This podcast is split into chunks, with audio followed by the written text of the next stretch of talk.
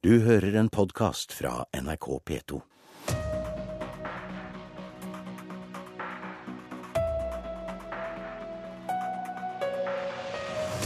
Endelig er valgdagen her, og Politisk valgkvarter gir deg guiden til hver det blir ekstra spennende å følge med på resultatet i kveld. Og i helga fikk vi for første gang på 26 år ei anbefaling fra Aftenposten hvem de mener du bør stemme på. Folk må tenke sjøl, sier Dagbladet. I dag er det altså valg. Fra nord til sør skal folk ut og stemme. Men det er en ganske uforutsigbar faktor som er med i dette bildet. Statsmeteorolog Kristian Gislefoss, hvordan blir været? Du, altså, det er veldig todelt uh, vær for tida. Uh, vi kan begynne i nord. Der er det veldig fint. Mye pent vær. Men uh, litt lokal tåke får vi i Finnmark, men den er letta når folk skal ut og stemme. Og beveger vi oss da sørover, kommer vi ned til Vestlandet og vi tar med oss Østlandet, Sørlandet. Her er det en skyet værtype, typisk høstvær. Litt regn i Bergen, men sånn som Oslo, her kan det bli store variasjoner. 5-10 millimeter i øst, men beveger vi oss til vestkanten, her kan du fort få 20 millimeter rett i hatten, rett og slett. altså. Så en våt dag. Så eh, her er bare å finne frem regntøy og gummistøvler i sør, altså. En våt dag, og det skal regne mer i Oslo enn i Bergen? Det skal det faktisk i dag, eh, og faktisk dagene fremover. Og, men de som får det aller våtest, det er nok nedover mot eh, Arendal, regner jeg med. Altså, her kan det fort komme en 50-60 millimeter til i løpet av dagen. Takk, Kristian Gislefoss. Frøy Gudbrandsen, kommentator i Bergens Tidende. Hvorfor er været så viktig på valgdagen? Ja, det er ikke verre enn det at vi, altså vi er mennesker. Vi påvirker av det som, det som, er rundt oss. Og for dem som i utgangspunktet kjenner seg veldig dratt mot sofaen når det er valg, så er terskelen da enda større for å komme seg ut av huset hvis det er veldig dårlig vær. Hva for parti får det mest innvirkning på? Det kan ha størst innvirkning på Arbeiderpartiet, som har vært eh, på best på å mobilisere hjemmesitterne. og Det ser man også på bakgrunnstallene i år, at de har mobilisert mange av dem som ikke stemte sist. Og Det er en litt sånn ustabil gruppe. Eh, sånn at hvis det, blir, eh, hvis det hadde vært dårlig vær, eh, så kunne det vært ekstra ille kanskje for Arbeiderpartiet, mens fint vær da er bra for Arbeiderpartiet. Men det er vanskelig å si helt sikkert, dette her, altså. Skjønner. Vi har med to gjester til. Johan Gjertsen, ansvarlig for for meningsmålingstjenesta Poll of Polls og medlem av Høyre, må vi ta med. God morgen. God morgen. God morgen. Og. Stein Sneve, kommentator i avisa Nordland, god morgen i Bodø. Ja, morgen, morgen. Det er med her for å hjelpe oss litt. For det er altså 428 kommuner som skal velge i dag, pluss 19 fylker. Og i Politisk kvarter skal vi forsøke å gi deg en liten guide til hver det blir mest spennende å følge med i kveld. Vi begynner i nord. Nestleder i Arbeiderpartiet, Trond Giske, sa han ville utradere Høyre nord for Dovre. Stein Sneve, får han sitt ønske oppfylt? Det gjør han nok ikke. Han var jo spesielt opptatt av de store byene, og den aller største, nemlig Tromsø, ser det vel ut som om Arbeiderpartiet kan ta over makta. Men da er det ikke fordi at de sjøl gjør det spesielt godt, men fordi at partiet Rødt ligger an til å gjøre et sensasjonelt godt valg med opp mot 20% av stemmene. Og når det gjelder de andre litt større byene i, i Nordland, så er det også veldig delt. Tar over Rana ganske garantert, mens uh, store byer som Bodø og Narvik, der er det akkurat som, som nå ganske tvilsomt om de tar over. Ja, for i din heimby Bodø, der har det vært blått styre de siste fire åra. Men nå ligger det an til et ganske tett valg? Det blir et veldig tett valg, og meningsmålingen hele tida har vel visst at veldig mye, eller om ikke alt kommer til å avhenge av hvem som vil samarbeide med hvem etter valget. At blå og rød blokk, for å bruke de tradisjonelle begrepene, kommer til å ende ganske likt. Også her gjør Rødt det veldig godt. Mens på den aller siste meningsmålinga som vi hadde, så, så, var Senterpartiet ute. Og det, det påvirker sammensetninga eller forhandlingene etter valget. Mm, hva med litt uh, lenger nord, i Narvik? I Narvik så, så det lenge ut som om Giske fikk sin drøm oppfylt. Arbeiderpartiet lå veldig høyt, men de har klart å rote det til. De har ført en ekstremt dårlig valgkamp, og plutselig så er, så er, det sånn at Høyre faktisk nå har sjanse til å bli det største partiet i Narvik, og det vil være første gang siden 1904, tror jeg. Går vi litt lengre sør, så viser målingene at det ikke ligger an til noe maktskifte i Trondheim. Men sør for Trøndelag, i innlandskommunene, der ser du en interessant tendens, Johan Gjertsen. For Arbeiderpartiet gjør det ikke så godt som venta. Ja, absolutt. Og særlig et godt eksempel er jo, er jo Hedmarken. altså Trygve Slagsvold Vedums hjemme, hjemmeområde, der, der, der, har Arbeiderpartiet overraskende svake tall. Senterpartiet sterke tall. Og det er kanskje en tendens vi vil se i kveld. At i, i kommuner hvor Arbeiderpartiet og Senterpartiet konkurrerer, så vil, kan Senterpartiet gjøre et, et veldig godt valg mange steder, på, på bekostning av Arbeiderpartiet. Kyststripa fra Ålesund og sørover har hatt et blått skjær, men også her er det tegn til endring? Gjertsen? Ja, absolutt. Fra Ålesund og sørover så viser jo flere målinger at Arbeiderpartiet vil gjøre det bedre enn i 2011. Litt i motsetning til landet som helhet. Altså Kommuner som Ålesund, Karmøy, Haugesund, Stord. Der har Arbeiderpartiet gode, gode målinger. Og så er det en by det har vært mye uro rundt, nemlig Kristiansund, som har mista sykehuset. Hva er de mest spennende politiske ja, det, tendensene her? Det er jo veldig, veldig, veldig interessant. Nordmørslisten som er en, er en, protestliste på bakgrunn av sykehussaken, har kommet som en kule på slutten av valgkampen, på bekostning mye av, av Arbeiderpartiet. Så da, da, kan det overraskende bli at Arbeiderpartiet av alle kan, kan få et merkbart minus pga. sykehussaken, slik at Arbeiderpartiet og Høyre potensielt sett kan komme til å gå på et nederlag i, i Nordmøre. Så til en by det har vært mye snakk om denne valgkampen, nemlig Bergen. Blod og Bergen, statsministeren sin heimby. I valgkampen har det vært helt jevnt mellom rød og blå blokk. Er det fremdeles situasjonen, Frøy Gudbrandsen?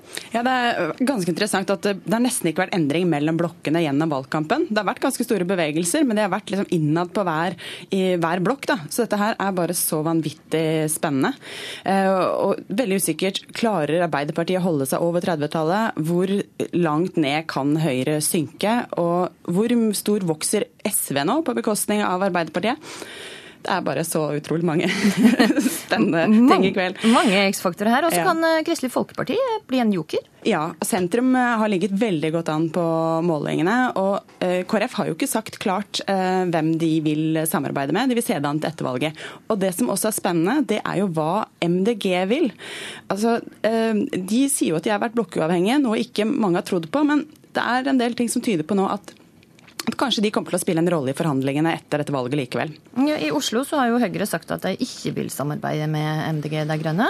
Er det ikke slik i Bergen? Nei, de er veldig vage når det kommer til MDG. Så dette kan bli spennende også etter at stemmene er talt opp i, i Bergen. Hvis vi går litt lenger sør, Gudbrandsen, hvordan ligger det an i Stavanger? I Stavanger så, så det jo også lenge ut til å være spennende. Høyre har jo hatt makta der i 20 år, og det er mange som har selvfølgelig hatt ønske om å få dem vekk, for en gangs skyld. Men det ser ikke ut som det kommer til å lykkes i år heller. Det ligger an til å bli borgerlig flertall der også.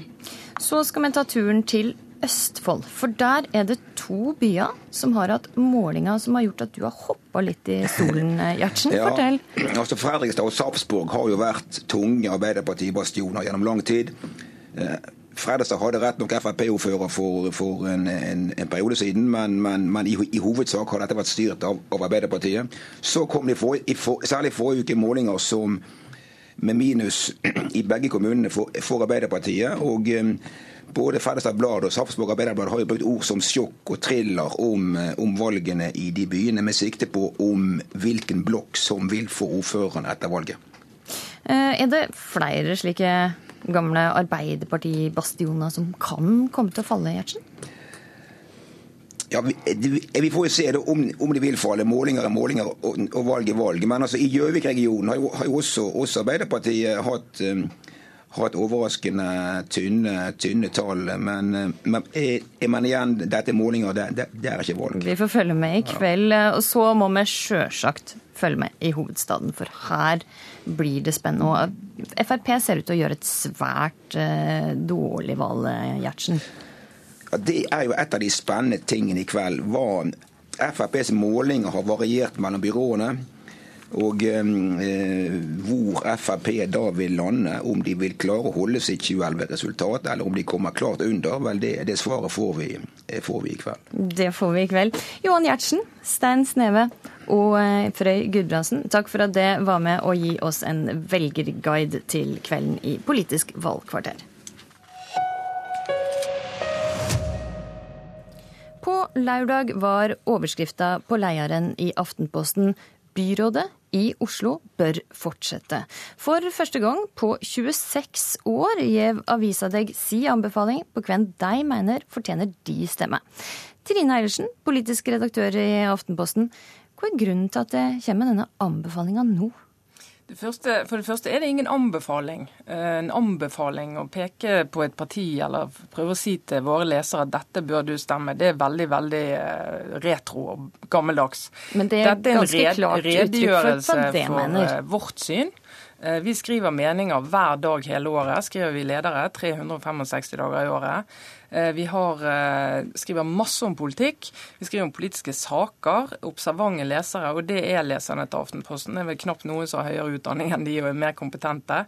Vet, vet noenlunde hvor vi ligger i landskapet når de leser lederen gjennom året. Da, jeg synes, da syns jeg det er veldig rart å ikke flagge hvor vi står på den viktigste politiske hendelsen i året, som er valget. Men det har altså ikke gjort dette på 26 år. Hvorfor kommer det nå? Ja, og det er det gode grunner til. For eh, Aftenposten, som så mange andre, var en eh, solid del av partipressen. Den gangen eh, avisene var i seng med hvert sitt politiske parti. Aftenposten hadde tette, tette bånd til Høyre, og de hadde det lenger enn mange andre hadde. Eh, Og dro det med seg etter at mange av de andre avisene hadde egentlig sluttet med det. Blant annet mange av venstreavisene hadde sluttet eh, å ha den type relasjoner. Så det har hengt ved.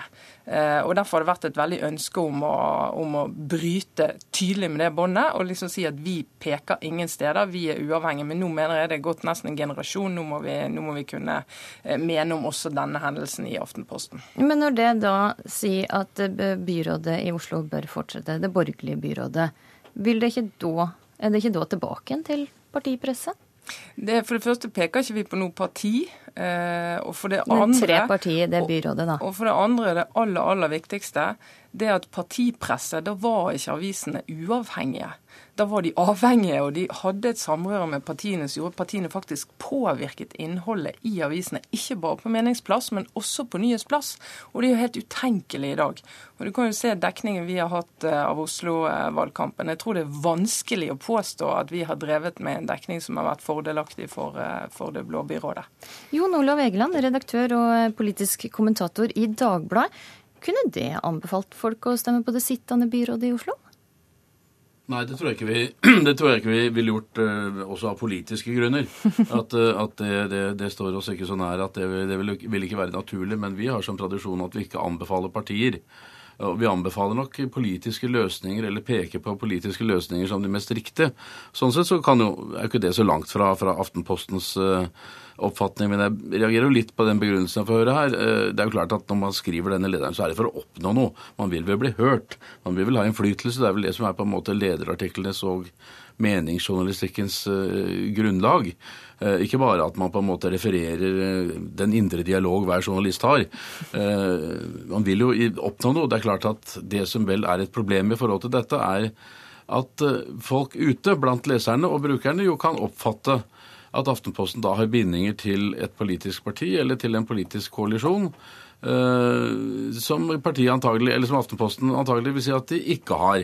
At det ikke vil påvirke deres interne arbeid eller politiske arbeid generelt. Mm. Eilertsen, altså, Ja, det... det- ønsker vel å oppnå noe med dette, selv om du da ikke vil kalle dette en anbefaling til hver enkelt leser? Ja, Det er ikke en anbefaling, men som sagt, vi skriver ledere hele året fordi at vi ønsker å være en del av debatten og ønsker å utløse både reaksjoner. og og Det er derfor vi f.eks. har lederen to dager før valget og ikke på valgdagen.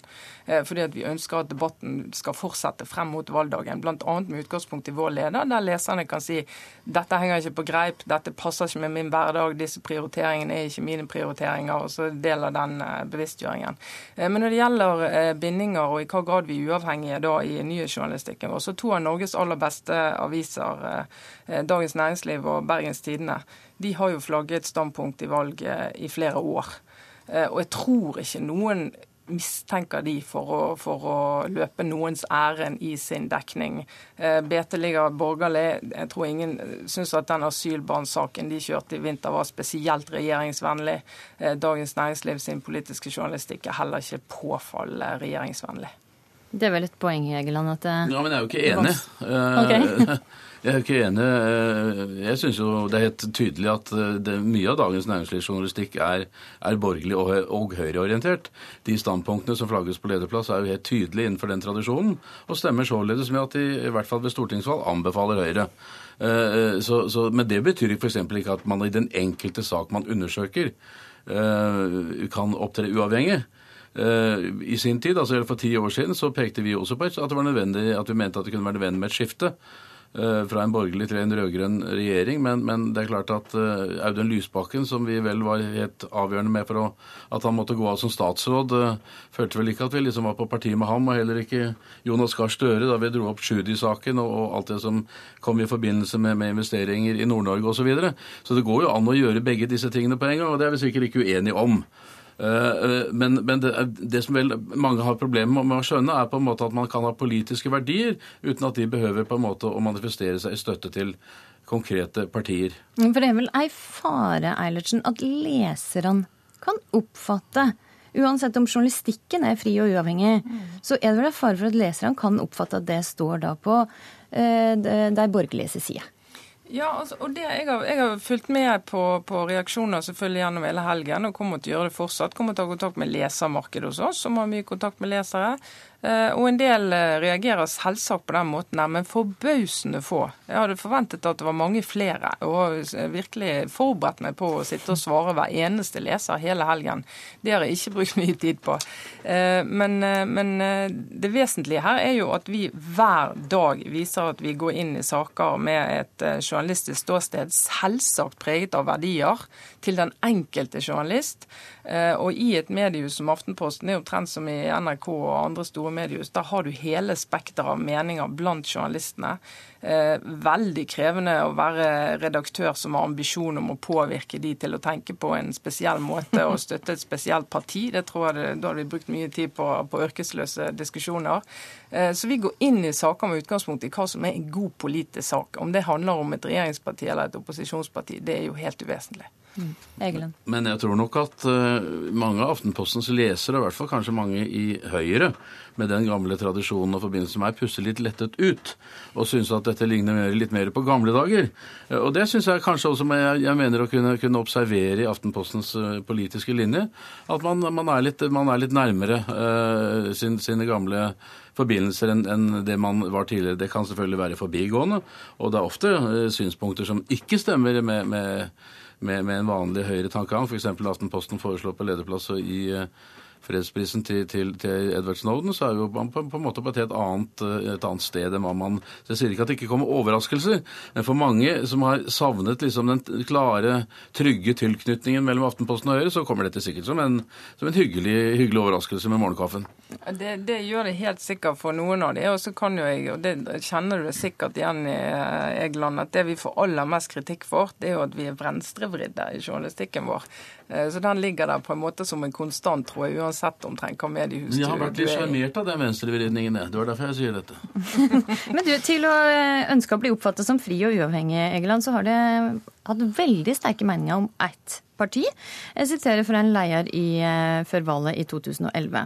Anders Langes parti ble stiftet på Saga kino i Oslo i 1973. Eh, har, eh, siden Anders Langes parti ble stiftet på Saga kino, har denne avis vært en aktiv motstander av partiet, politikken og alt dets vesen. Ja, det er helt korrekt. Jeg var for øvrig til stede på, på Saga-møtet, en av de få som av og til dukker opp på, på Det er vel bare Carl I. Hagen og jeg som var der når det er landsmøte i Frp, og jeg er til stede og dekker det. Eh, dette er helt naturlig for oss. Vi har eh, vært en motstander av ytre høyre-politikken helt siden Dagbladet ble startet i 1869. Så her bør ikke folk få tenke så mye sjøl? De får, får, tenke akkurat så mye selv de vil, men, men vi flagger vårt standpunkt. At vi mener at for norsk politikk så er det best å isolere Fremskrittspartiet fra makt. Og det gjelder også den nåværende regjering. Og det har vi sagt helt tydelig fra foran det forrige stortingsvalget. Og det har vi gjentatt i ledere i, i, så lenge jeg kan huske å ha vært med på valg, og det siden 73. Eh, så, så dette, er en, eh, dette, er en, helt naturlig standpunkt for oss å advare mot å gi Fremskrittspartiet innflytelse. Men det betyr ikke at vi ønsker at Fremskrittspartiet skal på en måte behandles annerledes enn andre partier i valget, eller, eller at de ikke skal ha de samme rettighetene. Det betyr det ikke. Men vi er rett og slett eh, ærlige politiske motstandere som sier at dere tror vi ikke noe på. Med det takker vi for eh, oss i Politisk kvarter for denne gangen. Vi minner om eh, TV-sendinga i kveld som starter 17.50 og holder på til langt på natt. Radiosendinga på NRK P1 starter klokka 20.03. Og Politisk valgkvarter er tilbake i morgen klokka 7.40 med analyser av de viktigste valgresultatene. Du har hørt en podkast fra NRK P2.